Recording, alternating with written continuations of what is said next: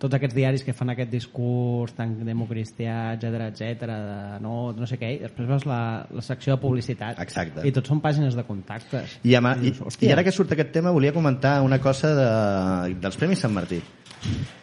No, Surt així, no? Sí, sí, sí, sí, bueno. No és que la tenia guardada surt, aquí. Surt perquè el Pere Rossell, he parlat de público, he pensat amb el trusquista eh, Roures i he pensat amb el- amb l'escàndol dels Premis Sant Martí d'aquest any. A qui li toquen aquest any el Premi Sant Aviam, Martí? jo només parlaré del Premi Internacional.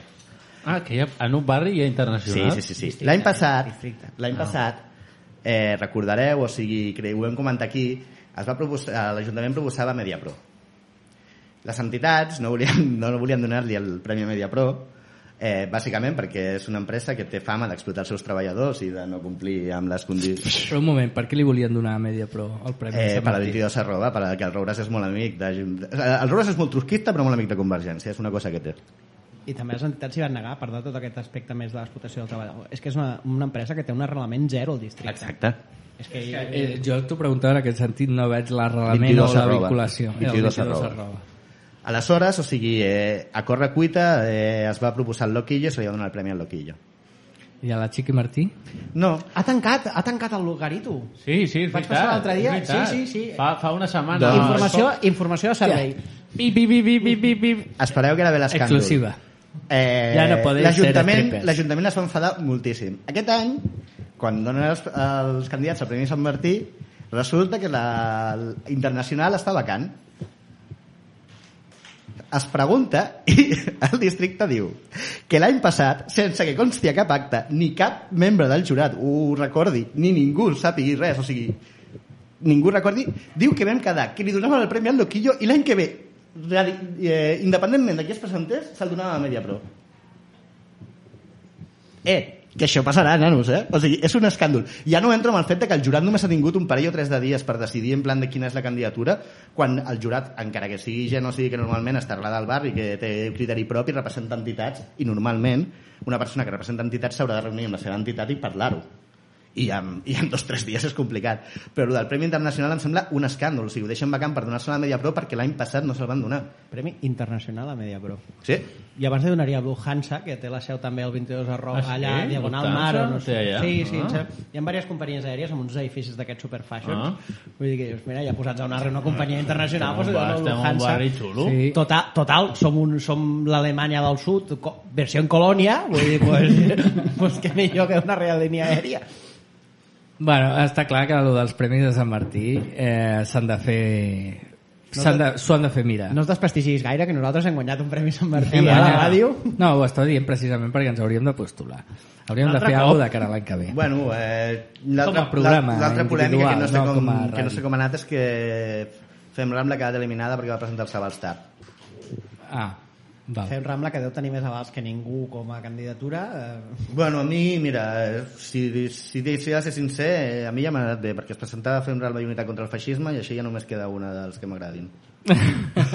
Però Llavors... llavors... contra el feixisme, que la senyora d'un del fundador del Casal Tramuntana avui ha tingut una mica de paper, no? Què ha passat? Ah, una miqueta, no? Expliquem el que ha passat al Parlament. Sí, home, era per... Anem Ah, endreçant val, temes val, val. amb naturalitat, vull dir, és que el districte té molta vida. Ah, però, però, a veure, quina vinculació tenia la diputada que ha convidat avui a les... És la senyora del regidor de Plataforma per Catalunya a l'Hospitalet, que és fundador del Casal Tramuntana, que abans el teníem a Independència 333, que era que creuaves el carrer i era a l'Eixample, però no ho volien dir i estava al Clot, perquè a l'Eixample no queda bé que tinguin aquestes coses, i ara s'han traslladat a la Verneda.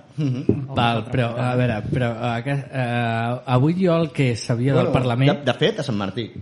Per ser totalment... Estricte, sí. Que avui, Estricte Sant Martí. eh, avui hi ha hagut molta tensió al Parlament de Catalunya. Deixeu-me que presenti el Sergio, que a- amb aquesta anarquia al final us he anat presentant i que teniu tantes ganes de micro que pum, m'heu deixat d'anar.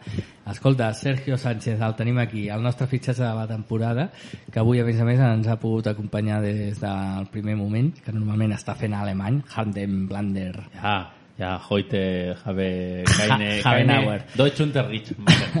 Bueno, doncs benvingut, que eh, ens agrada molt que avui puguis acompanyar-nos i ens han dit avui també que tindrem exclusiva alguna per telèfon, això sí, no han pogut, no han pogut venir, però... No han tingut collons, no? no han tingut collons, però sembla que han pogut localitzar el pequeño Nicolás Ostres. a Madrid i també li farem una trucada a veure si ens explica una mica com, com, com, com, com s'ha sortit tot aquest tema. Jo també et dic, eh, aquí, a- venir a l'Upamà, aquí, esto te, esto te curte para la vida, porque aquí a- al Jordi Torquemada es un tío que le da caña a las cosas, eh. Y eh, te sitúa en un nivell de, de estrés que yo ahora ya estoy a tope. Le hace honor a l'apellido. Doncs jo personalment anava a dir que preferiria parlar amb la Petxotes que amb el dic Pequeño Nicolás, però bueno. la Petxota ara està lliure, no? O no? Sí, Bueno, ja li preguntarem. No crec que estigui gaire lliure, Després li eh? preguntem al pequeño Nicolás.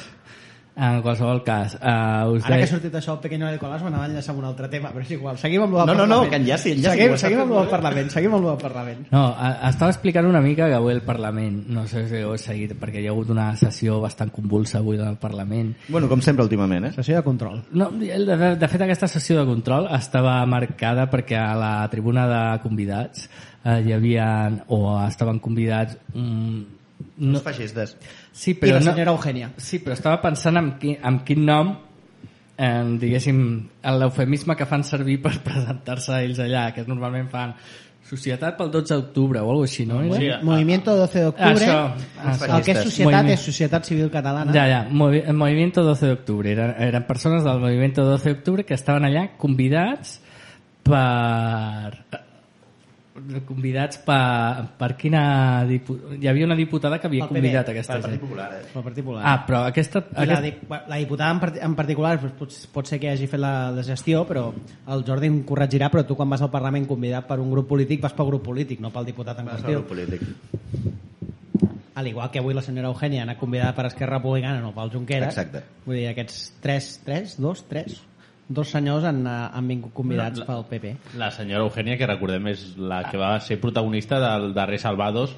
No, del darrer Ah, Salvados. estava no, convidada, del- també, del- estava- del- Només, només un apunt. Primer Salvados. En quin moment o sigui, es considera que el periodisme de qualitat és tenim, tenim un conflicte eh, territorial pues anem a portar el president d'Esquerra Republicana a Andalusia a, a, a flotar tòpics que els andalusos són com... O sigui, a mi em va fer puta vergonya aliena. a més ho la, fa, sento la molt, família eh? no és que estigués seleccionada No, no, no, no només- és que estava O sigui, reseleccionada no només, no només o sigui, eh, el Salvador, sinó que, que això es consideri periodisme. Això és, això, això és amarillisme puro i duro. O sigui, No, és una banalització total d'un problema que, que, que és molt més greu i que ve de molt més lluny i a mi continuo mantenint que em sembla una mostra de mal periodisme, de mal periodisme i em fa mal dir-ho que, que no s'hagi fet un programa en Catalunya com es va fer els programes d'Euskadi i Jordi Évole. I a mi em sembla que no ho fa perquè li toca de, de d'hora, de prop i no ho vol fer. I Perquè està fent programes molt més estomaquen. senzills i està fent programes molt més senzills i molt menys anant a, a, a l'arrel del problema. més comercials, Exacte. I, i, I si no haguessin fet els seus programes d'Euskadi, potser no s'ho demanaria que fes això, però si va fer els seus programes d'Euskadi, pot fer un programa de Catalunya amb cara i ulls. Bueno, és com avui el Rojo Viu al matí, que avui, avui he canviat una mica horari i he vist que treien per, de, per demostrar que el PP no era todo corrupció, treien regidors del País Basc de Rollo Hernani i tot això i dius, hòstia, cal, cal haver de recórrer un altre cop als regidors que han, Lamentable. que han exercit sota el terrorisme per, per, per demostrar que el PP no todos son muy malos. Lamentable. Dius, és, és tristíssim. Bé, Però, doncs, però bueno, això també és signes del temps, o sigui, tenim en plan d'aquests regidors que possiblement sí que es van jugar la vida, però el que era l'estandarte d'aquest moviment era el Mayor Oreja, que és un personatge repugnant i corrupte com, qualsevol, com, com el que més, o sigui, però bueno, eh, queda així és aquest país. Bé, sí, això. Bé, tornem a lo del Parlament, vull dir, simplement, no sé com s'ha originat el foc, perquè a mi m'ha arribat el foc, que és uns senyors que de cop i volta s'han posat a cridar vives Espanyes i a xocar el braç demanant un taxi, no? Suposo A com a veure, excusa. També-. Bueno, però també ha succeït una cosa que succeeix molt sovint últimament al Parlament. Passa això La presidenta del i aquesta és la Parlament... notícia. Ja no sabem res més del que s'ha parlat del Parlament. O sigui, també és molt amarillisme, o sigui, com que estem en un moment en què qualsevol cosa I d'aquestes... jo aprofito per dir una cosa, eh? que no dic que avui no tingués raó, però faré la falca, perquè, i potser no és el millor dia per fer-la, però Núria de Gispert, la presidenta del Parlament, és de les pitjors presidentes de Parlament de Catalunya que he vist mai. De pitjor. O sigui, per no dir-te la pitjor, en el sentit de irrespectuosa, tendenciosa, eh, mm, diguéssim, que amb, amb pujades de to que, que, no, que no tenen cap sentit en una presidenta de Parlament. i continua... protagonista. Protagonisme excessiu, coses que és tot el que no se li demana a un Una president. presidenta del Parlament no s'ha disfressat de fada. Jo, eh, Jo, bé, tots, sabeu, Gispert, tots, tots sabeu que no sóc el fan número 1 d'Esquerra Republicana, però he de dir que recordo Ernest Benà, que va ser un gran president del No, Parlament. home, no pots posar-lo al costat un de l'altre, i això és veritat. Ernest Benach va assumir el rol de president del Parlament, I perfil baix, perfil I, intentar... I es va menjar una de gripaus propis Sí, i sí, sí. Tant és així que, considerables. Però- tant és així que va sortir com va sortir. Per, Bueno, precisament bueno, vale, per pues, això que diem, inclús però el és el Rigol- que se'ls inclús- demana inclús, inclús del el. Rigol, que era un democristià bastant... Eh, que feia bastant grimilla la Però seva Rigol ideologia, va dir- com a mínim era un tio que tenia un, que sabia portar al Parlament i que ho feia amb respecte i per donava això, moralitat a la per, gent. per això canta tant la Núria de Gispert, perquè el que li precedia era, tenia, feia la funció com se, se li demana un president del Parlament i la Núria de Gispert, que no dic que avui no tingui raó perquè no ho he vist, però segurament la tenia en fer fora aquesta gent del Parlament, però estic d'acord amb el Jordi, jo crec que això al final el, el que fa és col·locar la llum a, a la distracció d'un tema que és Però que també realment- perquè interessa, eh? Vull Clar dir, que no, no, és la, no és la Núria Gispert, són la resta de mitjans. Vull dir, perquè jo estic segur que s'han dit coses molt interessants en aquest Parlament i que tenen el mateix ganxo periodístic en el sentit d'anem a treure-hi suc al tema i sense aprofundir gaire, eh? però fa, frases que te deuen treure el, tit el titular fàcil perquè estic segur que Ciutadans n'ha deixat alguna, estic segur que Esquerra n'ha deixat alguna la, pica, altra. la picabaralla de, bueno, de, això és el que anem a comentar. Amb Cada, a cada sessió del Parlament també hi ha una notícia eh, que és eh, l'espectacle al que ens tenen acostumats Ciutadans i la CUP. És que estan I col·locats, és- ho hem d'explicar és- així. En el Parlament estan col·locats, a, a, els, els diputats de Ciutadans estan col·locats, diguéssim, a la cinquena, sisena filera del Parlament, Bueno, a la banda dreta, i a, i a la banda esquerra, a la mateixa alçada, estan els, els tres Però en bona part continua sent per culpa de la Núria de Gispert, perquè semblen de aviam.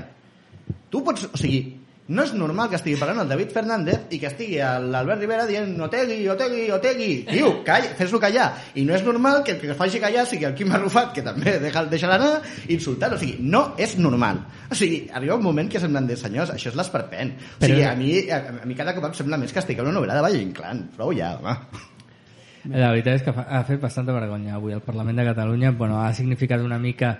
Uh, de fet, era una sessió de control que tenia bastanta importància en el sentit de veure qui recolzava o si s'aprovaven o no o es podien El tema aprovar pressupostos, el és tema que- pressupostos. és que per mi- És que és, per mi eh, està- Pensa que els pressupostos és la llei més important que ha de fer un govern. Però què coi, si no tenim pressupostos, si s'estem prorrogant i prorrogant i prorrogant i però- prorrogant i No, prorrogant. però però, però aquest any, tranquil, que l'any que ve venen eleccions o, on, hi, on hi haurà a prop i llavors els prorrogarem, però incorporarem la paga als funcionaris. Vale. Perquè així ens guanyem Ah, així guanyem els vots algun col·lectiu guanyem. Vull dir, clar, És que és un no serà per la pasta que de cop i volta té la Generalitat que s'està venent tot. Sí, sí, sí. Però bé. En qualsevol cas, el que us dic, eh, al final tot això eh, esdevé tot en una embolica que fa fort i fem més enrenou i, i, i poques llums a el que interessa. En qualsevol cas, volia treure unes quantes coses que tenia aquí per sobre. Eh? M'ha cridat l'atenció una notícia que em va posar el... precisament em sembla que la va penjar el Jordi en el seu, perquè és molt d'iniciativa però, però em va cridar molt, és l'atenció molt d'iniciativa. Mira- Quin, quin gran eufemisme. Mira, mai que no ho he... No ho hauríem he dit mai ningú, eh? Pues a mi em diuen que sóc molt d'Esquerra Unida, eh?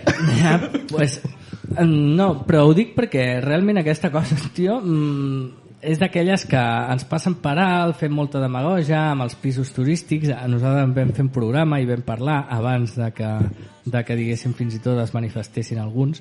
Uh, I era la notícia de, de, lo dels les llicències de, dels apartaments turístics. En un estudi que s'ha publicat es demostra que el, més del 20% de les llicències es van, es van fer precisament el dia abans d'exercir la moratòria Moratòria, eh, expliquem-ho bé, la moratòria total a la ciutat de Barcelona. La, la moratòria total de la ciutat Un de segon, Barcelona. un segon. La moratòria total, que quan la primera vegada fa, do, fa un mes i mig, quan es va proposar a l'Ajuntament, el, el govern de Convergència i Unió eh, gairebé titlla la proposta de... Eh, un, bueno, uns antisistemes bojos radicals. I un mes després l'aproven i ningú recorda que feia ja un mes s'havia presentat i l'havien rebutjat. Bueno, possiblement per poder fer això.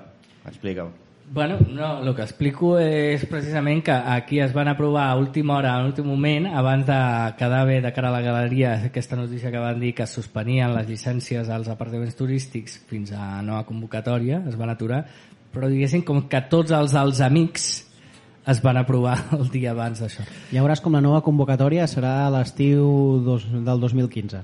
Clar, no, és una qüestió molt electoralista, molt aprofitar les municipals, però eh, una cosa més que m'ha cridat l'atenció revisant les dades d'aquest eh, tema dels apartaments turístics és que més del 50% dels apartaments... O sigui, el volum de negoci, deixem-ho clar, és enorme el, el volum de negoci. De fet, eh, no sé si la xifra és que 3 de cada 10 apartaments de l'Eixample són turístics i 2 de cada 10 de de... ara no sé quin districte era però està... Ciutat Vella Ciutat n'ha de, n'ha de tenir molts. Més que l'Eix- més que l'Eixample, crec jo. Bueno, Ciutat Vella i l'Eixample els que tenien més problemes, però recordem també que a finals de l'any passat van decidir que ampliar els barris turístics, eh, Poblenou és barri turístic i el Clot és Sí, barri sí, no, sí, el Clot. Camp de l'Arpa, no, Clot no, Camp de l'Arpa és barri turístic.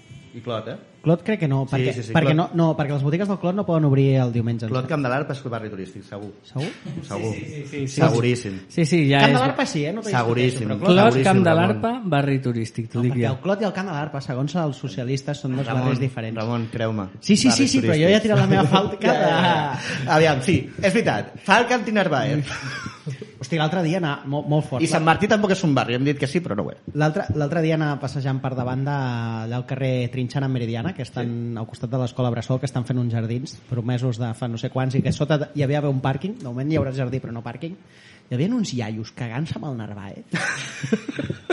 però, però increïble, eh? Vull dir, I dic, hòstia, quant de rancor quatre anys després de que marxés Bueno, el Narváez. però és que va estar molts no anys, estem eh? sols, eh? No, no, estem no, sols. hi ha molta gent. Parlant del Narváez i dels rancors del districte, eh, seguim... Eh, la festa major comença en, en breu i un dels pilars reivindicatius de la festa major és el tema de l'alxèmica, que ara tenim biblioteca, però la residència d'avis i centre de dia, no sé ben bé quina qualificació té l'equipament, eh, segueixen anant per llarg. Vull dir, I fan obres, perquè jo hi treballo al costat i veus que hi ha paletes, però clar, porten no sé quant de temps fent obres i allò no hi ha manera Sen, d'acabar-ho. sense entrar, que jo no tinc molt clar si l'obra de l'Alxemica eh, depèn de l'Ajuntament o depèn de la Generalitat. I diria que depèn de la Generalitat. Jo crec que una part no, eh? Jo diria, és que jo diria que, que, jo diria que sí, jo diria que el que està passant és que l'està pagant l'Ajuntament.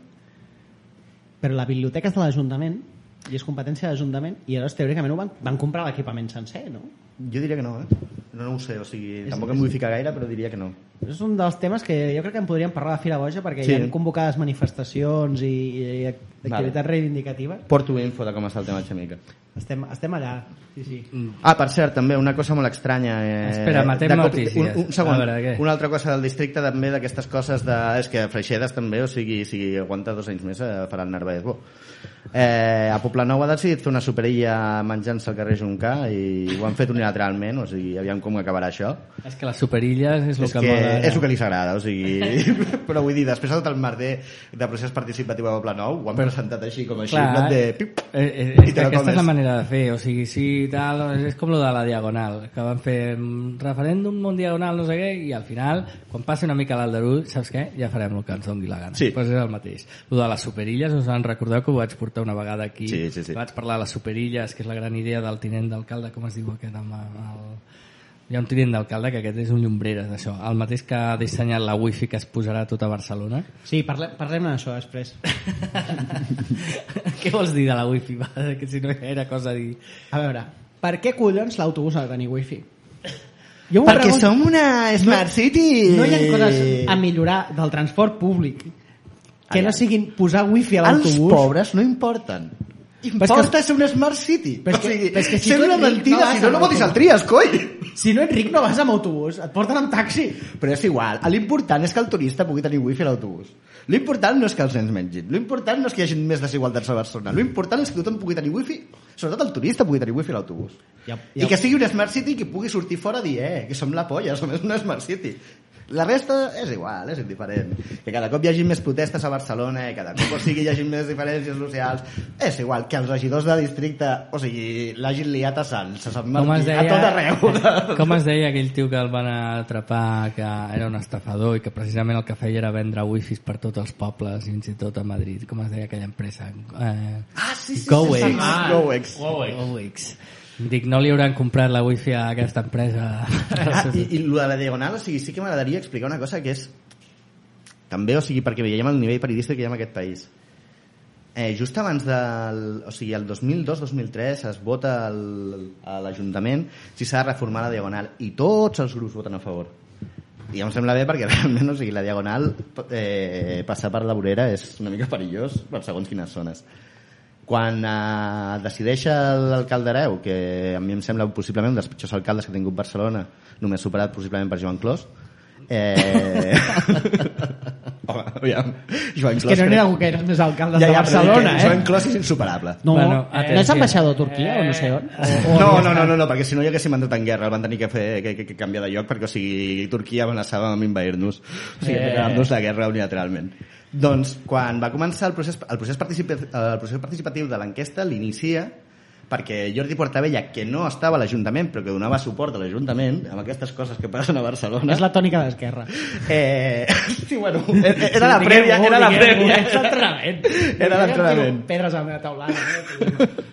eh, quan fan la consulta eh, Trias aposta perquè fiquin la, la pregunta de que es quedi com està intel·ligentment, perquè les ciències polítiques eh, la població normalment, o sigui, està demostrat que és normalment conservadora i que si fiques dues opcions i una opció que sigui quedar-se com està, sol escollir quedar-se com està llavors, eh, la gent es pensava que si votava quedar-se com està, es votava com està i era en plan de no, no, no t'estan dient això o sigui, el que t'estan dient és acceptes una de les dues propostes? No, que es quedi com està. Es reformarà perquè ja està aprovat que es reformarà. I és el que ha succeït ara.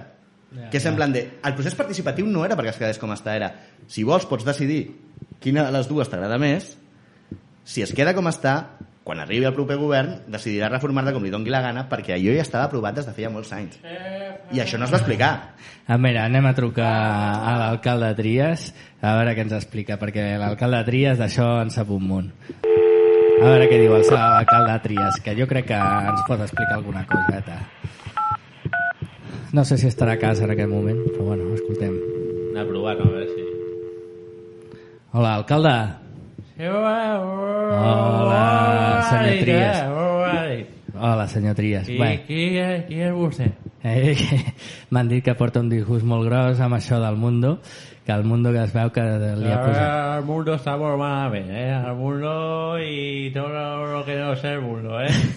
Sí, però és que m'han dit que el, el Mundo eh, li ha posat fins i tot el número de compte, eh? que es veu que vostè tenia 13 milions a Suïssa i quan va veure allò del Pujol es va moure a Andorra. Ara diu que no?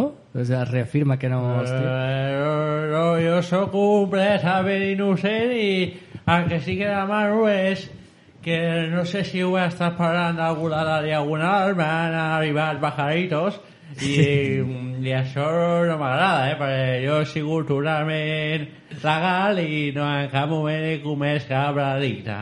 Eh, però això de la Diagonal ens està explicant aquí el Jordi que vostè va fotre la pregunta amb tota la mala intenció. Eh? Recordi, senyor Trias, que jo vaig anar a votar amb vostè, eh? Eh... Sí, però, però... Hi ha una foto a la Vanguardia que ho demostra. Jo vaig anar a votar amb vostè. Vas venir a votar amb mi, ja no me'n recordo. Tu, tu Mira. quin cabell tens? Bueno, sóc el que sembla una mica quinqui, el de la foto del que sembla un quinqui. Mira, vas, vo- Ah. vas votar tu, Jordi, i els regidors de l'Ajuntament, Ah. perquè em sembla que no va votar sí. ningú més. El que semblava de la CUP, no? Per cert, Exacte. Per cert, senyor Trias, li haig de dir que l'últim programa vam tenir aquí a dos representants de putes indignades i ens van explicar que la reunió amb vostè, vostè es va posar una mica nerviós, eh? Bueno, bueno, és que... Mira, us explicaré una, una exclusiva, eh? Però estava en una taula que jo me'n recordo que era negra i al final va quedar una mica blanca. És que, senyor Trias, s'ha de moderar una mica vostè, eh? Sí, però tinc una edat i, eh, i les coses són com són. Si no, la memòria està ja defectuosa. Ja, ja, bueno, ja em van dir que li tremolava alguna cosa més que la veu, eh? Quan Sí. estava amb elles. La tercera cama. Bueno, uh, escolti, senyor Trias, Uh, li convido a que vingui un dia i ens expliqui després a veure si realment aquestes qüestions que li acusen des de Madrid Eh, no tens cap, no teniu raó perquè Sí. això... Com això dels pisos turístics, tampoc que ara tinc aquí una dada que diu que vostè va legalitzar 676 pisos turístics en un sol dia, just abans de la moratòria. Eh, ja, ja un dia que vaig, vaig tenir un virus a l'ordinador i, i se'n van anar 600 pisos, però són coses que passen. I una altra cosa, senyor Trias, l'altre dia li sentia vostè que estava, deia, porto 30 i pico anys en política i no sé què. que no tinc cobertura! Però això no ho ha de dir tan amb orgull, eh? Ja ha de fer una mica de vergonya, que hem de saber que la posició política o el servei públic ha de ser temporal, eh? Això d'estar 30 anys. Saps? No sé tu és. Molt bé, senyor Trias, ja parlem un altre dia. Apa-li, adéu. Bé, com us explicava, ah, i el senyor Trias ja ho he vist. Que... Jo mm, no, o sigui, tinc la sensació de que la notícia del Mundo és totalment falsa. Eh, segurament hi hagi un Trias que tingui 17 milions d'euros productes. La Trias Fargas. la No, no, no, no, Trias no. O Fargas. sigui, segur, o sigui, que va canviar el nom a Catdem. La Trias Fargas és Catdem. eh, però hi considero que està competint amb Jordi Areu per al segon puesto com pitjor alcalde de Barcelona de la història i crec que això és prou motiu com per fotre'l fora. O sigui, que sigui un mangante mm, no eximeix la mala gestió que està fent l'Ajuntament de Barcelona. A veure, jo- És lamentable. Però una cosa, mm, a veure, jo realment, si et dic personalment, eh? jo personalment crec que la notícia està embrutada. És aquella notícia que deu tenir una petita part de veritat i d'allò en fan una mentida grossa.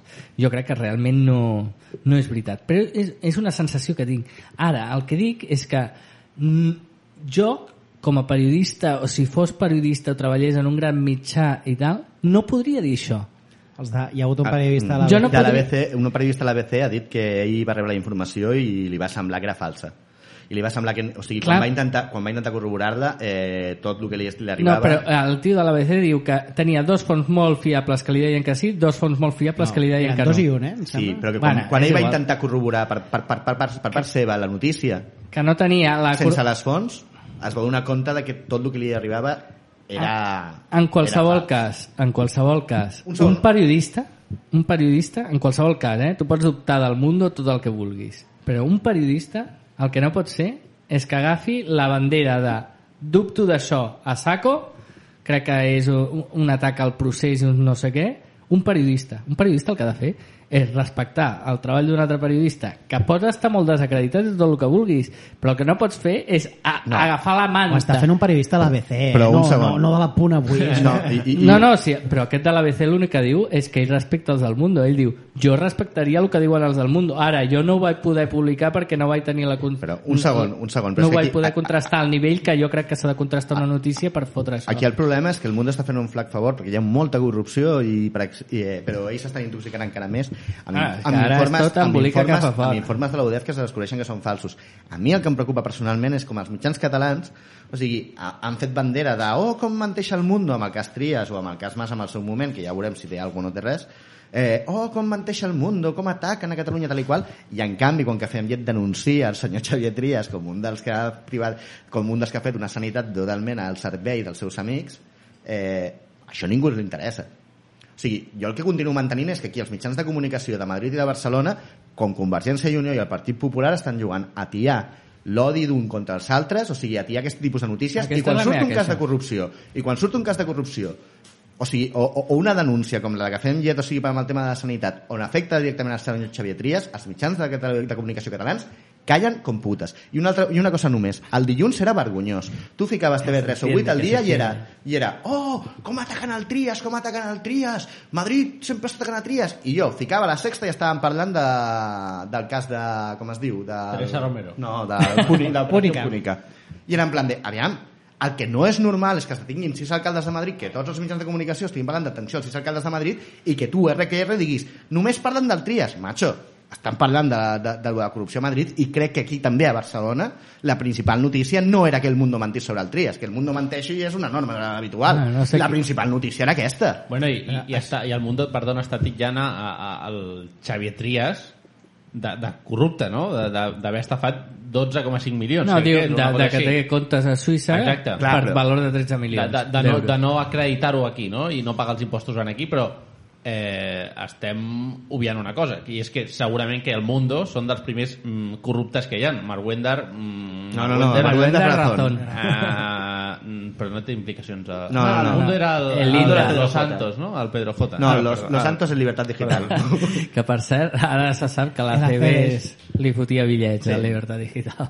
Però això és el que parlàvem, al igual que tu deies de per què uns diaris financien una cosa o una altra, és perquè els amics del senyor Trias són amics del senyor Godó. Exacte. I quan interessa, els amics del Mundo són amics de qui sigui de turn Exacte. i anem jugant en aquest sentit de que el periodisme no és lliure i no està Però marcat aquí d'interessos. això és el que em fot a mi. A mi el que No, em però fot... és que jo no ho justifico, eh? Però dir, jo acabo Però de en dir. un sistema Jo tinc capitalista el periodisme sensació- no pot ser lliure. Ja, no, però, però a veure, un moment, un moment. Però almenys, però és que no es pot perdre la dignitat periodística d'aquesta manera. A veure, jo, jo el que dic és que un, jo l'he sentit dir, i sempre ho dic aquí, i ojalà un dia em senti, eh, el director de La Vanguardia, aquí per ser ara és el botifler número 1 pel moviment independentista, Màrius Carol? Màrius Carol, sí, que fixa't tu qui és el botifler número 1.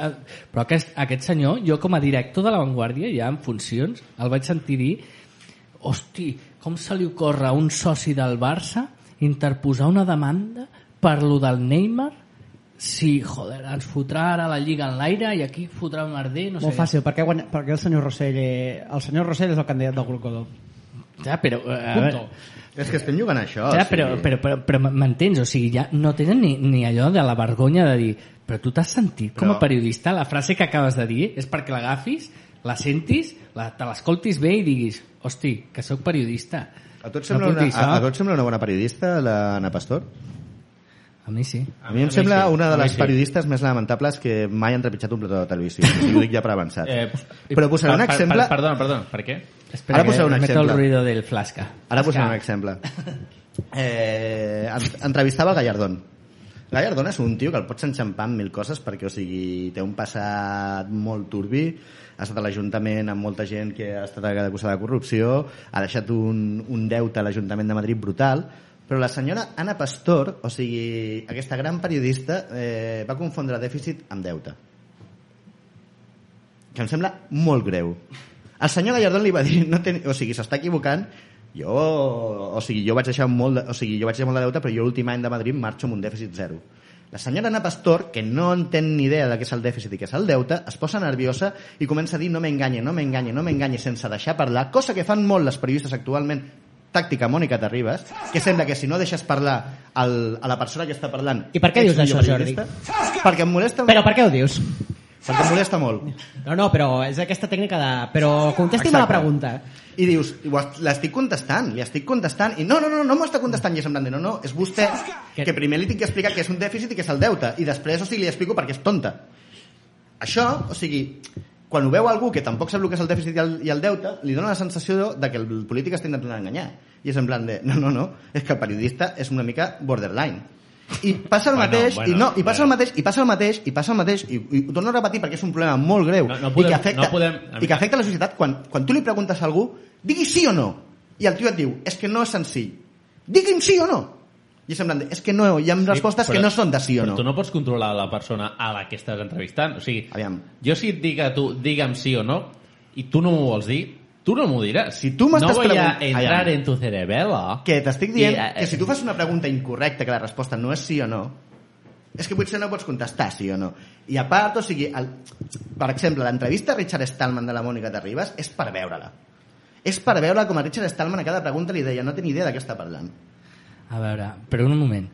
A, a, de què estàs parlant ara? De Mònica Terribas, d'Anna bueno, que Pastor? Per mi, per mi són tot un bloc. O sigui, Ja. Mònica Terribas, Anna Pastor o la dona aquesta que ara fa el .cat, que també es pensa que és la Mònica Terribas. Oltra, Ariadna L'Ariadna Oltra. Però és, és el que passa quan agafes un, Poc una, peri, un, una Un tipus, periodista sí. o un periodista que sí que tu el defineixes com a entrevistador i aquesta persona t'entrevista des d'un jugador del Barça fins a un Premi Nobel d'Economia. Sí.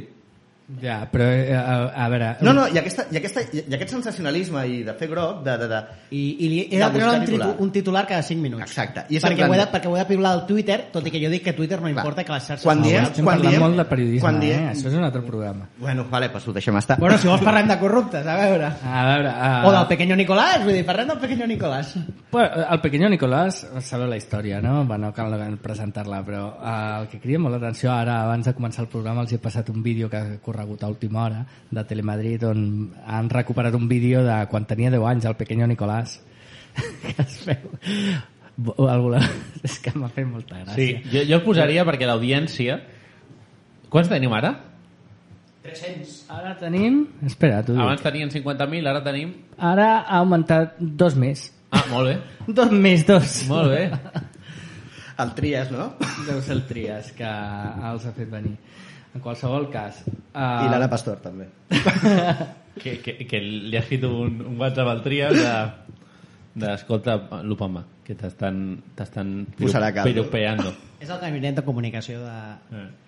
Ah, per cert, Un dia hem de parlar dels gabinets de comunicació dels polítics. per cert, una altra cosa, última cosa periodística. Espectacular el punt cat sobre Pujol, on conviden a tots els amics de Pujol perquè parlin de Pujol. I consideren que això és fer un programa sobre corrupció de Pujol. No conviden a Alfons Quintà, no conviden a Villarejo, no, no, no. Conviden a la gent que ha escrit llibres eh, superelogiosos de Pujol i amics de Pujol. Però que estan molt decebuts, Jordi. Sí, però és que és una Estan molt vergonya. decebuts. I com que estan molt decebuts, aleshores és- són plurals. Ah, el, és que jo crec que, mm, bueno, a veure, eh, pues, el .cat jo crec que és un, un programa que pretén s'ha volgut sumar a la tertúlia debate de, que està ara de moda i que Sexta sabem que ja ho noche, diu. sí. coses d'aquestes. El que passa que TV3 ve d'on ve ja està en el context que ja està i és difícil, és difícil de pair un debat a... Vull dir, els, els debats com els planteja el .cat realment... Però trobem normal que en un programa on es tracta el tema Pujol tots siguin de l'òrbita del pujolisme? O sigui, que, i, i, i que la socialista la que porten és una senyora que no va conèixer mai el Pujol? Però és millor perquè així no està a l'òrbita. Bueno, escolteu, sabeu qui va assessorar els Pujol per eh, no tenir més problemes amb la justícia? Presumptament. El pequeño Nicolás. Pequeño I Nicolás. sabeu qui també va assessorar el senyor Núñez i a molta gent d'aquí, de casa nostra, eh? El pequeño Nicolás. Joder, el Papa Noel aquest... Eh, Sí, parlant del Papa Noel, us poso... Atentos a la secuencia. Ese chaval de apenas 10 años entre la multitud no pierde el ojo de la cámara. Es la Està parlant un reporter de Telemadrid. Tocando estratégicamente hasta que consigue su de el, gloria. el pequeño Llevarán 10 Nicolás. años, ¿no? Sí, efectivamente. significado para ti de la figura de Juan Pablo II, del Papa fallecido. Pues a mí me parece una persona muy santa. Este es su debut ante las cámaras, ante las de Telemadrid. Todavía no llevaba traje ni se peinaba con gomina. Eso empezó a los 13 años, pero de labia ya andaba sobrado. Yo estaba en mi casa y vi la televisión y me di cuenta que Juan Pablo II había muerto. Y al cabo del rato recibí por el móvil un SMS diciendo que nos reuniéramos aquí. Capacidad de... Pues nada, que con 10 años ya recibía SMS convocándole a manifestarse eh, o concentrarse en la plaza por la muerte de Juan A mi em Pablo sobta II. més que va veure la tele Aquesta és i la es seva va donar mare. compte que havia mort el, John, el papa. Después llegaron sus fotos con la plana mayor del Partido Popular, sus jornadas de caza con Arturo Fernández. Bueno, el pequeño Nicolás. El pequeño Nicolás és un cas que jo crec que té cua, exemplifica moltes coses i a més a més amaga amaga Moltes altres. moltes altres. És veritat que dis, eh, eh, ens distreuen molt l'atenció perquè és una història a lo me a, lo me a lo més pur estil Frank Avalanche, aquell personatge que feia Leonardo DiCaprio en Atrápalo, si- Atrápame si puedes. Però, bueno, en realitat, clar, ara els mitjans de comunicació i a més a més és que resulta que tenia una nòvia que li deien la Petxotes. La Petxotes i que... Molt interessant. Que, que, que clar, distreu l'atenció de qualsevol, es veu. Perquè la Petxotes es veu que tenia una fama a Madrid i a les discoteques madrilenyes. Que... Home, no, no li diuen la casta, vull dir, per alguna cosa serà. La Petxotes. Bueno, eh, jo diria que és com una mena de Sara Carbonero en jove. Sí, bueno, una noia... Eh, eh, alguns amics d'ells...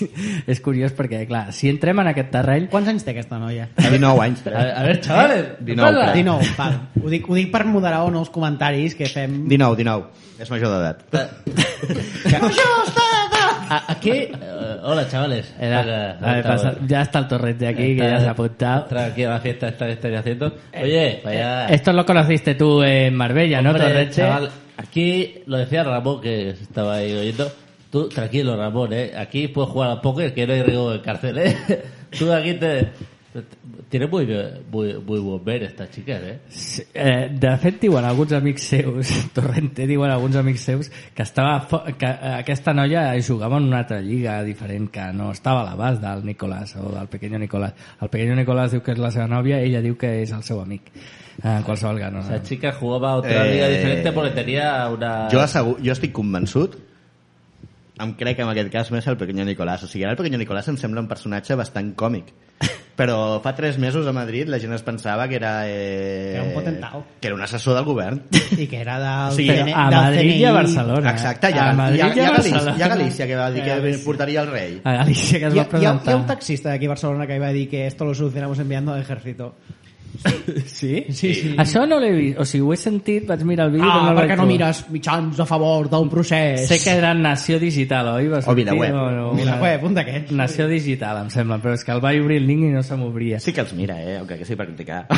Sí, no, jo miro tot, eh? Jo, jo no tinc... Jo no li faig... Jo també segueixo pudor país a res. Twitter i... Jo no li faig a pudor res. Jo segueixo de tot. Uh, en qualsevol cas, el, el que dèiem del Pequeño Nicolás, el Pequeño Nicolás aquest... Clar, hi ha molta gent que li cau simpàtic perquè és el trepa, vintanyets, tal. La picaresca espanyola. La picaresca, el- el lazarillo de Tormes. Sí, correcte. Aquest, dis, aquest discurs que te venen per, perquè un xoriço pugui actuar impunament i fer però el que li surti als pebrots. abans de començar el programa comentàvem amb el Jordi i també amb el Sergio que hi ha el cas també del Carromero aquell que era president de les noves generacions que li van treure el carnet perquè havia begut, que va matar aquell dissident cubano a, allà a Cuba amb un cotxe i se la va estimbar i que va trigar... Presumptament, que no et fotin a la presó, Jaume. Però si a la presó la, Ja li sé que van fotre amb ja ho ell. sé que l'han condemnat, però aquesta gent és molt rara. Presumptament. Ah, saps què? Faré una falca que sigui presumptament. I així apretaré el botó, el posarem el botó P de presuntamente i deixarem el presuntamente. Bueno, en qualsevol cas, que jo veig un, lligam d'aquesta manera de fer, de com és que pot promocionar. De fet, aquest tio em sembla a mi, i l'efecte que tinc, i si vols poso presuntamente davant, era un conseguidor, un conseguidor de- de- d'aquesta manera de, Ell, de funcionar. se- Segons el que s'ha publicat, eh, la seva, la seva diguem-ne, rol quan es presentava a algun lloc era això. Bueno, i... Sí. Seria un facilitador, un Però- conseguidor. Relacions institucionals, posava la seva targeta. Però un segon, és que aquest és, el- aquest és el drama. O sigui, Però és que això existeix. Ja, ja. Real. Sí, sí, sí, que però- d'aquest- a- a- els, Pujol, els fills del Pujol també eren aconseguidors, ara ens hem entrat avui que l'Aznar Clar. també era un aconseguidor, perquè o sigui, el de Líbia no en perdrem. Clar, no, a veure, Els negocis de l'Aznar a Líbia no en perdrem. Sí, sí, parlem-ne, parlem-ne. però... eh, sí, sí, bueno, el, els negocis... De, de fet, quan vam veure la foto, i no sé si la setmana passada ja ho vam comentar, que tota la foto d'aquell govern composat per l'Aznar, que ara mateix alguns estan acusats de No, sobresous... L'únic que salva, teòricament, pel que he llegit, és, Maria- plan- és Rajoy. Eh, Rajoy. Però el Rajoy em sembla que està acusat de sobresous, eh? No, però No. El, el, el, el Rajoy Sí. el problema que té és que tenia càrrecs molt, de molta importància en el cas de uh, quan va passar tot el, tota la trama Gürtel, que per això no en parla mai, i de la reforma del, del carrer Gènova, que es va pagar amb diner negre, eh, clar, vull dir, es pot culpar la Cebes, però és impossible que el president del partit no ho sabés. Aquí, Cebes. aquí, hi té un, aquí hi té un problema. De totes maneres, uf, de moment està quedant bastant lliure, o sigui, Zaplana, que és el que va dir de... Jo Caerà aquí el senyor. X és la pregunta. I jo No, dic, el no senyor acabarà X és el senyor mai, Aznar. no acaba mai. El senyor També- Aznar... ta- també vull destacar i Ara, mira, ara no fotré el presunto, mira, perquè estic a l'Open Mar Radio Teneu del Clot i, i em sento lliure per I dir... els nostres 50.000 dos oients... I diré el, el que diré.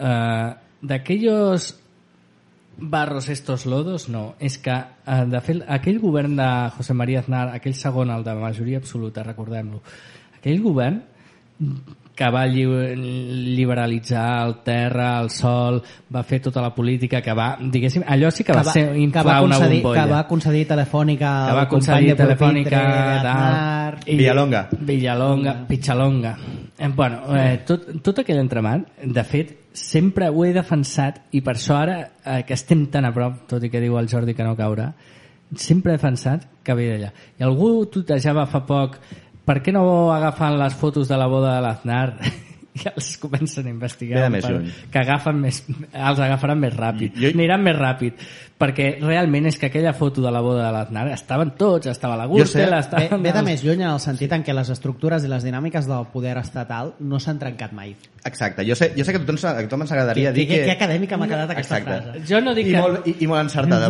Ramon, per, per, per, per mi.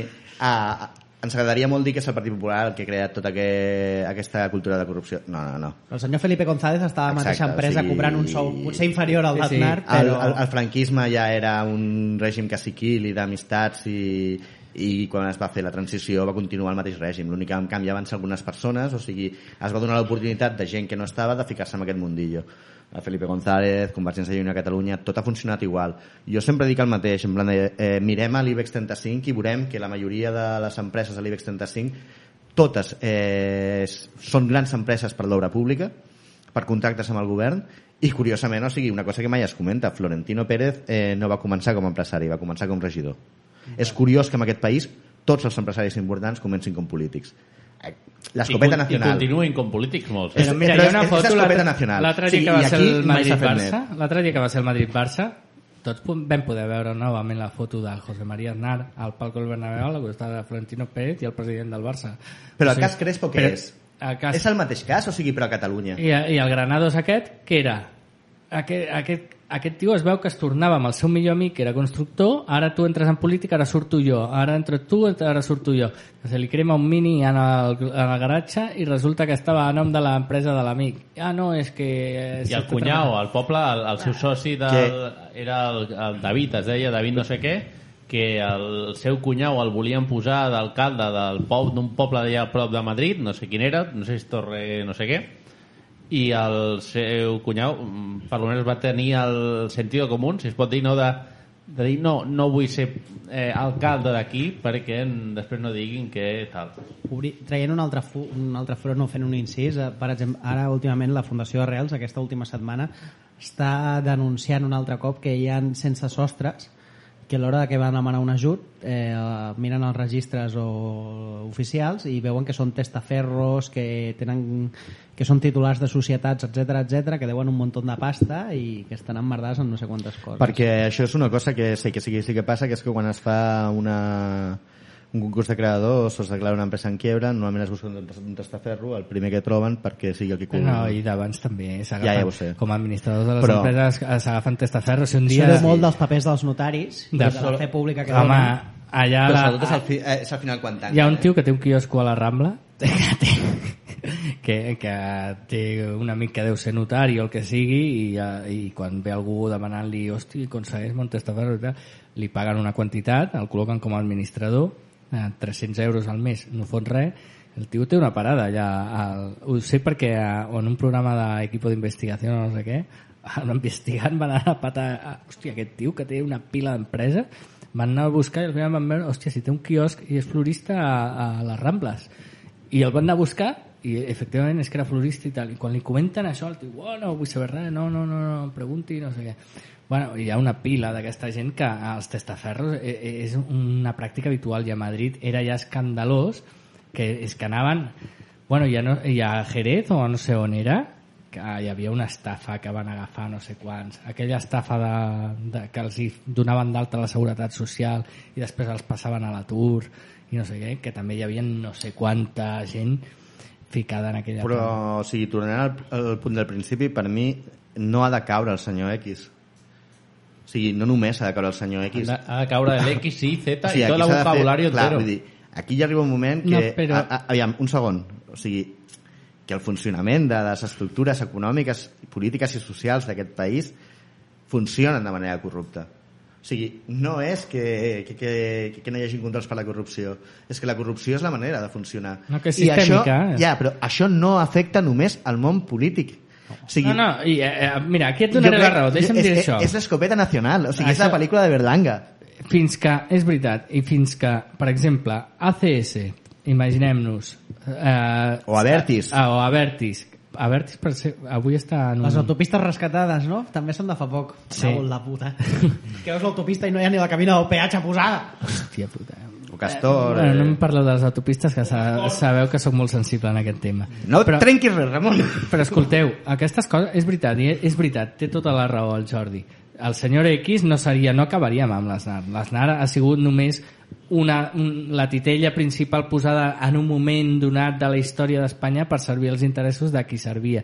Però si el dia que, per exemple, ACS sigui imputada i com a empresa, diguéssim, no es pugui presentar adjudicacions públiques durant X anys com a conseqüència d'haver-se demostrat que ha corromput o ha posat els diners... No passa res. Això no funciona la, així. La dona del president d'ACS obrirà una altra empresa El capitali... No, a no, però és que és més enllà. És que el capitalisme no funciona així. O sigui, aviam, estaven, avui sortia una notícia que la primera es feia la primera concessió petrolífera, em penso que era aquest estat que es va acabar independitzar, Sudan del Sud? Sí, a Sudan del Sí, Sud. Sudan del Sud. Quina és una de les empreses que participa? Una empresa espanyola plena d'imputats, plena de gent, o sigui, acusada de delictes i de frau. Bueno, digues I- de Gaddafi i l'Aznar, que poso publicitat, va. Bueno, únicament dir, o sigui, d'això, de que l'Aznar aconseguia negocis a la Gaddafi i únicament de, de, de destacar això, o sigui, la ideologia en segons quins àmbits, o sigui, ja deixa d'importar. Recordem que Gaddafi en principi era comunista i Aznar Aquí era hi ha una ideologia principal, que és el Que capitalisme. és el diner, exacte. I llavors, a partir d'allà, venen si ets socialdemòcrata, demòcrata cristià, l'etiqueta que li vulguis posar. Però aquí hi ha la pasta. I després de la pasta ve la resta. I, i, i, i, i, i, i, l'únic que volia que dir que és això. De que- la pasta, deixa una, una mica de publicitat, que si no, no ens paga la pasta. Vols dir que això és un esmorzar saludable? Què vols dir? Home, de la caixa de 12 dònuts només m'has deixat els forats. Doncs recomana'm un dietista. Doncs al barri del Clot en tenim uns quants. Dieta Estètica Vilella, al carrer Rogent 17. Camí de Salut, Mallorca 545. Maria Casas, biòloga, plaça del Mercat 22. Naturhaus, Rogent, al carrer Rogent 81. Amb la col·laboració de l'Associació de Botiguers i Comerciants. Ay, Dios mío, Dios mío, qué herido estoy. Estoy muy mal herido. ¿Es que no hay una farmacia en este barrio? Tranquil, al Clot en tenim moltes. Anda, no me digas. Farmàcia Maria Teresa Peñafiel, Clot 57. Farmàcia Rita Auger, Rogent 118. Ortopèdia Clot, Clot 82 baixos. Amb la col·laboració de l'Associació de Botiguers i Comerciants de l'Eix Clot.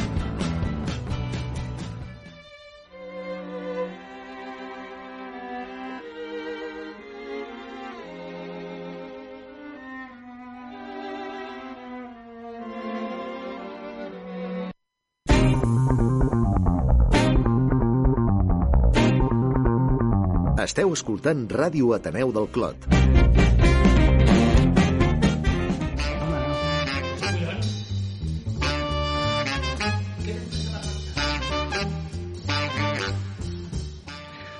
Bueno, uh, escolteu, uh, això de la corrupció, he posat publicitat i ha continuat, eh? igualment. Uh, el que dèiem de la corrupció, jo crec que és veritat el que diu Jordi, el que passa que ella al final, clar, si tires del fil, si tires del fil, al final anem a capitalisme. El capitalisme corromp tot. Però ja ho sabem. a, a capitalisme Val. del sud d'Europa. O sigui, jo l'únic que dic és que el que està succeint a Espanya eh, jo crec que eh, l'exemple més, més similar podríem trobar-lo a Itàlia. La cultura mediterrània, no som luterans, etc etc. No, no, no, no, Aquesta jo- merda de discurs jo no vaig- no sé qui jo- jo no vaig per aquí, jo no ara vaig per tothom aquí. està amb això de la tangent top. I... No, jo no vaig per aquí. O sigui, a mi això em sembla basura eh, protestant i, i racista. O sigui, no, no vaig per aquí. Vaig pel tema de que l'estructura social eh, molt marcada pel, pel catolicisme i capitalista, normalment, eh, si no hi ha uns contrapesos clars, si no hi ha una societat que estigui pendent de, de que no hi hagi corrupció, eh, si no hi ha una hegemonia cultural eh, que aposti per uns, per uns procediments democràtics i de control eh, pot acabar generant el que, ha passat, el que va passar a Itàlia en el seu moment, el que crec que ha passat a Espanya durant molt de temps i que senzillament a Itàlia es denunciava més, que és que el sistema directament és corrupte. El sistema es basa en la corrupció. O sigui, que al capitalisme eh, hi ha molts delictes que els perdona i que qui té diners pot fer el que vulgui, ho hem vist moltes vegades. No s'ha arribat mai als nivells de la màfia italiana, o sigui, de, que, que ha participat en, en govern, s'ha participat eh, a, a dintre de la vida política italiana de manera activa i dintre de l'economia italiana. Participa. I participa, i participa. Menys ara, o sigui, tot s'ha de dir, o sigui, però hi participa, hi participa activament. I a mi el que, el que em sap molt de greu és eh, que pensem que, això, que és això, que és un problema de corrupció i és semblant, no, no, o sigui, eh, vivim en un sistema que, que, que, que això o sigui, forma part del sistema. O sigui, aquest tipus de comportament formen part del sistema perquè mm, nosaltres, o sigui, el, el, el valor principal, o sigui, el, la, la gran, la, el gran triomf del neoliberalisme és saber com aconseguir l'hegemonia cultural i, i, i realment, o sigui, el que importa ara és tenir diners. O sigui, una persona important és algú que tingui diners o que sigui famós o que tingui importància i és en plan de, bueno, doncs no ens estranyi que la gent estigui disposada a fer qualsevol cosa per aconseguir diners, perquè després sabem per l'experiència que no paguen mai. I per mi, o sigui, el problema que tenim és que en un moment que és una crisi eh, sistèmica Però això, a mi, a mi aquest, no sé si estàs d'acord, eh? això ho resumeix la frase aquella de que els, els neoliberalistes o el, el neoliberalisme el que va aconseguir és capgirar definitivament el tema de que l'economia en, en comptes d'estar al servei de les persones, que les persones acabéssim estant eh, al servei de l'economia. jo crec que sempre ha estat així. Jo, jo, Tu creus que sempre ha estat així?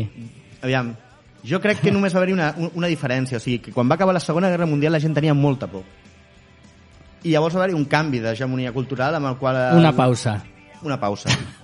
Una pausa fins que ens oblidéssim, fins que ens oblidéssim de, de, de, de, de, del que havia provocat un imperialisme salvatge, una, guerra primer, una, una primera guerra increïblement brutal, unes conseqüències de, de càstig cap als perdedors eh, totalment desmesurades que va acabar propiciant un genocidi mm, sense precedents a, a Europa. Però jo crec que el capitalisme, o sigui, el, és que és així. Però a mi, una, i afegeixo, eh, i ara posaré una falca ja que ens posem i tiro més cap a la filosofia, jo crec que a més a més s'afegeix un paradigma, diguéssim, postmodernista, relativista, Sí, sí, sí, sí, totalment que, i que han fosquit totes les llums que permetrien, diguéssim, combatre eh, aquesta hegemonia del capitalisme absurd. Però als anys 30, quan llegeixes sobretot llibre, o sigui, polítics o de ficció, no es parlava de postmodernisme, però també es parlava d'una situació bastant similar de banalització, de... Sí, es va intentar, però es va imposar, hi havia, encara tenien força, diguéssim, la gent que tenia llums, com per, de, per no deixar que l'hegemonia del discurs... Eren una gran minoria, o sigui, Bertrand Russell es posa, o sigui, com Ja. l'exemple de l'antibelicista, i es posa ahir perquè era l'únic, eh? Bueno, és una altra discussió i és interessant. Aquesta, mira, ara m'has fet pensar que farem un programa sobre aquest tema. Però és més filosòfic que no pas Sí, sí. això. Bueno, en qualsevol cas, eh, això de la corrupció que estem matant el tema... Eh, eh, nosaltres portem... Aquesta és la nostra quarta temporada, o tres temporades i mitja, i és que la de casos que tenim... Jo me'n recordo que la primera temporada, ja només enumerant els casos, ja m'omplia un full. Jo ara ja no, no, ja no... És setmana rere setmana. I tu, Jordi, l'altre dia parlant amb tu, pensàvem, què hi ha al darrere, no? Que, eh, o sigui, com és que ja no ho poden ni tapar? Com és que hi ha hagut un moviment de peces, que aquest és la clau que hauríem de una mica a veure si posem la lupa i algun dia donem la clau per, per saber quin moviment de peces hi ha hagut, perquè actualment eh, estan sortint tremolen tot. Per què la fiscalia està tan activa? Perquè hi ha un reposicionament Però la de l'equilibri de poder fiscalia de les vols dir que no és la policia independentment que No, fa els seus no, no. Té ordres des de la fiscalia. La, la policia, de fact, vull dir, de mutu propi, actua molt poques vegades, entre altres coses perquè no, són, la- no, és, No és la són les seva- seves no és la funcions. seva funció. Vull dir, si no veu un delicte flagrant, la policia no intervé. I, I la fiscalia és un òrgan, com hem dit 700 vegades, jeràrquic. I polititzat, i totalment que de- polititzat. Que depèn del ministre de Justícia Tor, vull dir, que no és, no és com el Poder Judicial, que teòricament, i insultant a Montesquieu a la cara, és independent. Bueno, tots els països insulten a Montesquieu, eh? Sí, sí, sí, jo no dic que, jo no dic que siguem pitjors que la resta, eh? Vull dir... Ja, ja. Bueno, en qualsevol El, cas... el país està corrupte fins les tranques. Bueno, ¿quién será el desencriptador que lo desencriptarà? ja veurem. En qualsevol cas, el que avui tenim i volem entrar per telèfon perquè tenim en primícia que ningú ha pogut trobar, eh? de fet, el pequeño Nicolás està en paradero desconocida, però jo crec que és una de les claus que ens pot desentrallar una mica eh, com és que s'ha teixit aquest món de corrupteles, quin era el seu paper, qui l'ajudava. Mirem a veure si el podem trucar al pequeño Nicolás. Fem-li una trucada a aquest senyor. I pregunta-li per la Petxotes. Sí, de fet, el número de telèfon me l'ha passat la Petxotes. I explicarem a la teva dona. Nicolás. Hola, Hola, Nicolás. hola, un Eh. momento. Mamá, que estoy hablando por teléfono. Ah, dicen que no sabían si estabas en casa de tu madre, en casa de tu abuela. El caso es que no te encuentra nadie, ¿eh? ¿Dónde estás metido? Estoy aquí en casa de mi, de mi madre, que es una santa. Sí, sí. Ya, ya, he visto hoy que eras muy beato tú ya de pequeño, que, que, siempre te ha gustado esto de la religión. Lo que luego no me explico yo es cómo eso era compatible con la vida que te has pegado luego ya con 18 añazos, que te he visto yo por las discotecas gastando el dinero y acompañado con una mujerzuela ahí. La Pechotes, dice que la conocen como la Pechotes. ¿Esta era tu novia o no? Ya, era, era una chica, es una chica muy maja, que tiene, tiene un cuerpo bastante bonito. Sí, te lo pasabas y- bien, ¿eh? Con Sí. ella. Daba mucha fiesta. y ya he visto que habían fotos en los, en los yates y todo. Pero, Nicolás, mira, yo te quería preguntar, entre otras cosas, ¿cómo conseguiste llegar Perdona, un momento, ¿eh? Un momento. Que sí, mamá, que no voy. Es que me está esperando para cenar, que tengo huevos fritos. Ya, pero las patatas hoy no te las vas a comer, ¿eh? Ay, no. Nicolás, nos tienes que contar cómo conseguiste llegar tan lejos con tus contactos y dónde sacaste estos contactos con la alta clase política Pues mira, de FAES. y todo, de- todo, todo fue a través de SMS y MMS, que ahora ya no se conocen, pero ¿sabéis lo que son los SMS, los MSMS? Sí, en los MMS eran los multimedia esos, ¿no? Pues eso, Los- me hacía fotos. Pero esos eran muy caros. Ya, pero bueno, es que yo tenía dinero, yo tenía dinero, eh, hacía negocios con Aznar. Con Aznar. Eh, ¿Aznar cómo es en la intimidad? Cuéntanos, Uy, Aznar es Nicolás. muy buena persona. Sí, ya he visto en las fotos siempre estáis sonriendo los dos ahí. Si luego iba a su casa, me daba comida. Sí, y te quitaba los pantalones. este. No me hagas reír porque es que...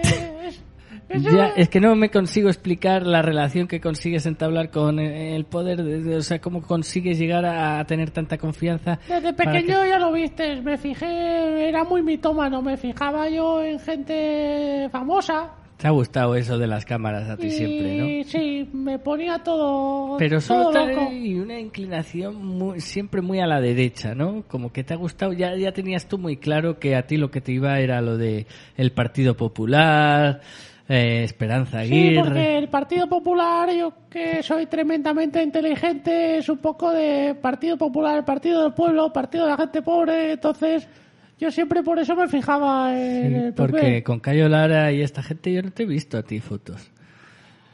Ya, a ver, ¿cómo te lo explico? Porque estás tú- ¿Quién, quién eres tú? Porque me estás, estoy aquí... A ver, Nicolás, es que me ha pasado el número tuyo, la Pechotes. Eh, quiero decir, la chica esta con la que estaba ¿Cómo que te ha pasado el número a pechote? Sí, porque estaba buscando que de hecho te están buscando todos los medios de comunicación, supongo que ya lo sabes, estás siguiendo el Twitter y todo. ¿Has visto Sí. todos los memes que se te han hecho? Sí, sí, sí, sí. ¿Cuál es el que más te gusta? Pues no sé, porque tengo tantos. Hay uno que sales con Torrente ahí, no sé si lo has visto. Ese no, ese no lo he visto. Torrente 5, sí. Hay un meme bastante de esto. Siempre has tenido, lo que te digo, una clara tendencia con la derecha, ¿eh? Y se dice... Pero, perdona, te repito, ¿de dónde me llamas? Nosotros te estamos llamando de Lupanma, un programa de Radio Ateneu del Clot en Barcelona. Una barriada obrera Oye, de, Barcelona. Que te haga una barriada obrera. Como a mí me gusta la gente obrera, la gente trabajadora. Ah, sí, por cierto, oye, eh, desmíteme a ver si es verdad o no que eres nieto de un antiguo golpista de, del 23F. ¿Es, es, es eso verdad, Nicolás? Sí, pregúntale a tu madre o a tu abuela, a ver, a la yaya. Sí, tenían algo que... ¡El yayo era patriota! El yayo era un patriota, ¿no? Aquí la contesta la abuela. Claro. ¿Qué y- dices, yayo? ¡El yayo era patriota! Pues ya, ya lo sabes, era una persona que le gustaba la patria y vivía por ello. Y decía aquello de arriba España. Eso. Eso mismo. Claro. Bueno, eh, ¿Qué os iba a decir ya que estamos en el teléfono? Oye, no necesitaréis, yo tengo contactos, yo os puedo conseguir trabajo. eso te iba a decir que nos podrías conseguir a ver si nos dan una FM, una emisora o algo, ¿no? Porque aquí es que estamos en Radio Teneo del Club, nos han, nos, nos han relegado al streaming y en el streaming no nos escucha nadie. tú. Pero a ver, o sea, si el streaming es una cosa moderna, que está al día... A ver, Nicolás, que me tienes que conseguir una licencia de FM. A ver, yo hablaré con el Robras, que le llaman el Robles, que es el de Media Pro. ¿El Robles? sí, ¿Lo, con lo el señor- conoces? con el señor Robles. Que ¿Lo conoces? él, sí. Eh, Pues mira, Media Pro, que, que además he oído por ahí en los medios de comunicación que se lleva el premio San Martín 2014. pero, curioso. pero se ve que han dejado un vacío ahí en el premio internacional. En el premio internacional han dejado vacío. se ve que no- Internacional, me río yo, pa' un barrio de mierda como club. Bueno, oye, que veo que te gusta mucho lo de los selfies y todo esto. Eh, Nicolás, eh, espero que vengas un día a la radio y nos cuentes exactamente cómo se mueven los hilos en ese mundillo en el que te has desenvuelto tú como pez en el agua. Todo lo que quieras. Tú eres un santo, chaval, eres un santo devoto. Sí, sí, Tú ya me lo tienes, dicen. Tienes, por lo que, por la voz esa... Tú vente a mi así. radio un día aquí al programa de radio y ya verás. Vale, luego si acaso os enviaré un correo al correo este de Lupamá que tenéis, ¿cuál es, por cierto? Eh, Lupanmar@gmail. Pues eso, al Gmail y me pasáis los números de cuenta, ¿vale?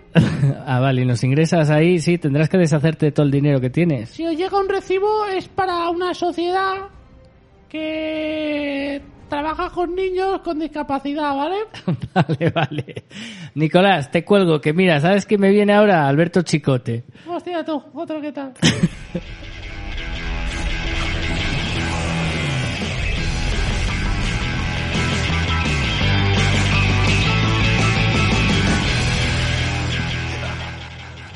Alberto.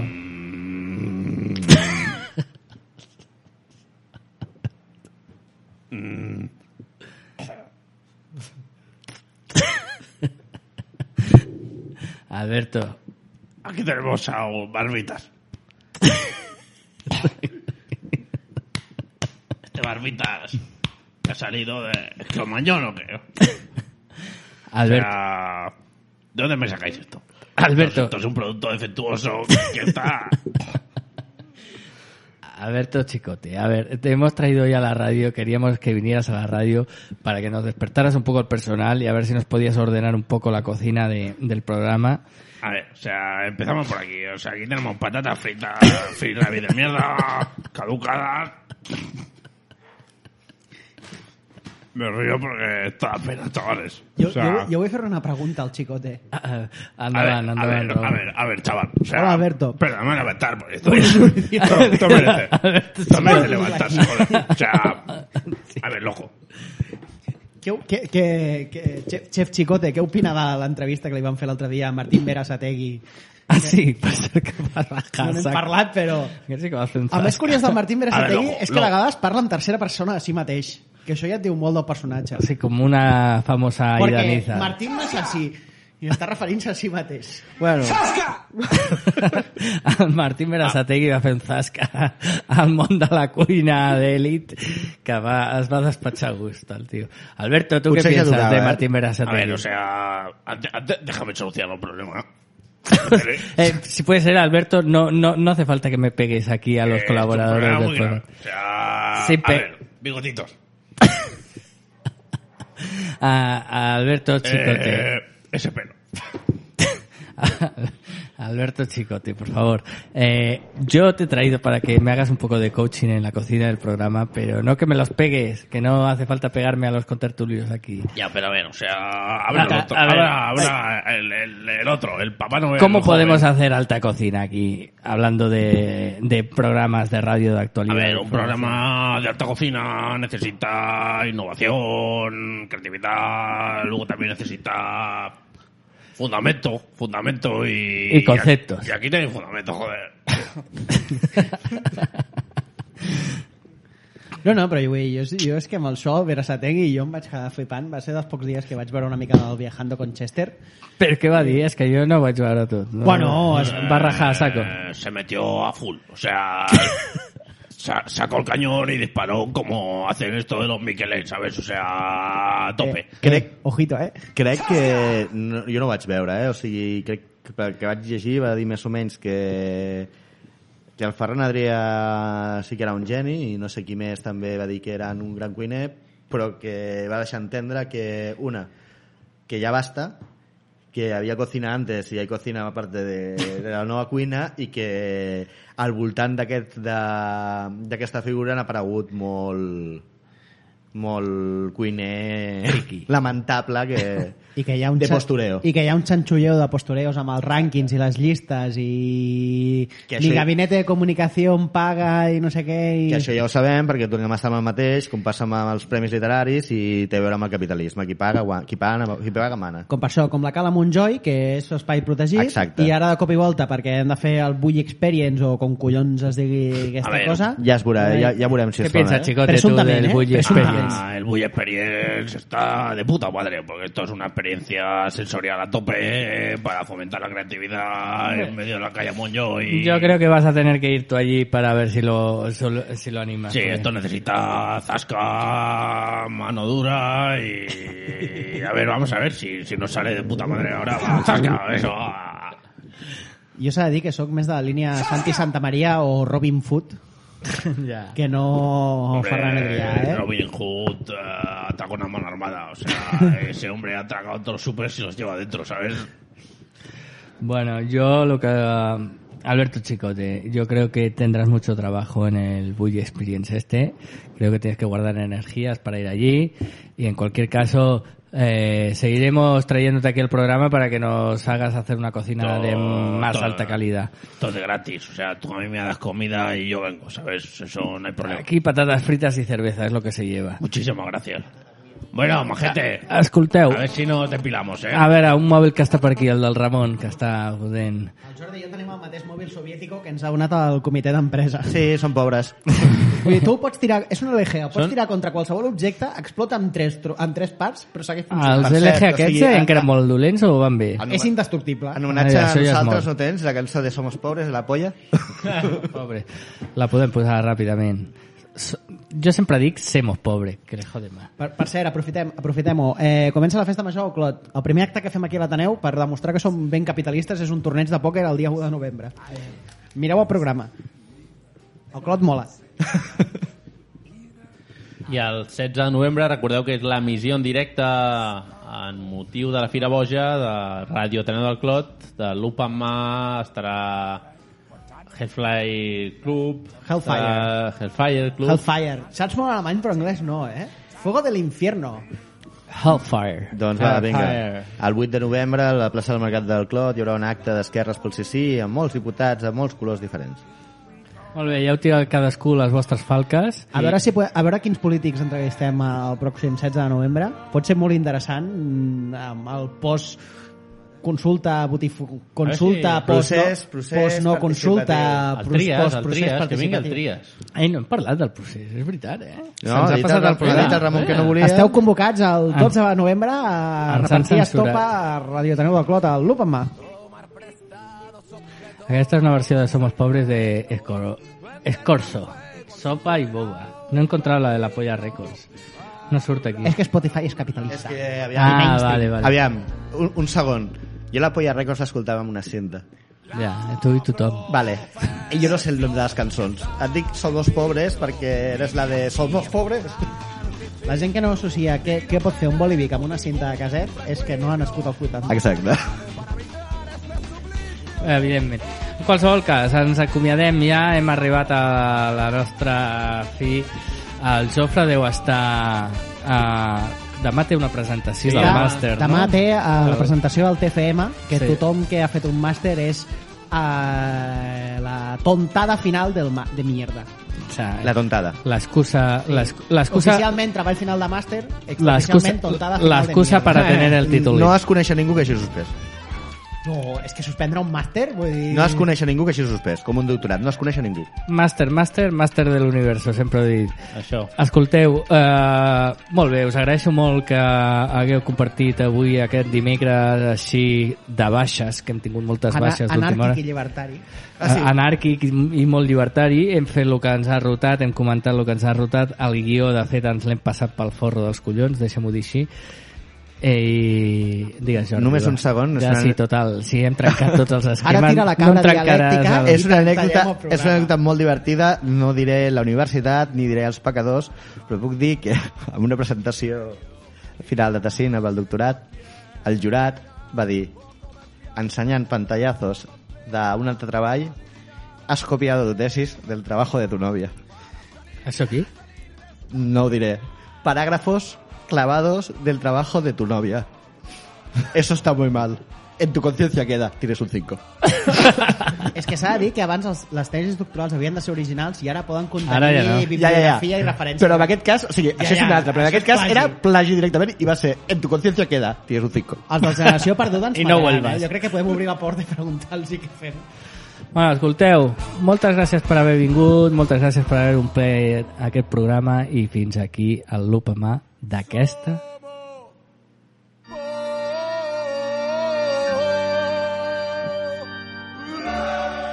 Semos pobres. Així acaba aquesta canció i aquest lup en mà. Bona nit, digueu bona nit o alguna als nostres oients. Us dic quants oients ens han estat Aneu a votar, cago en dena, aneu a votar. No. A votar, però si no es podrà votar. Aneu a votar. Bueno, imprimiu-vos la papereta. Si el dia 12 no puc venir al programa és que m'han engarjolat per ser voluntari del 9-N. Què dius ara? Ets voluntari? Ets Sí, dels sí. 35.000? 40.000. Hòstia, ara va la falca, mare de Déu. Mare de És Déu, un on treball acabarem d'investigació aquest? pel programa, eh? Sí, Ja sí. pagareu les hores extres. Ho pagaràs al proper programa. Aquest- Aquesta última falca la pagaràs al Aquest últim programa, l'Upa no va de política.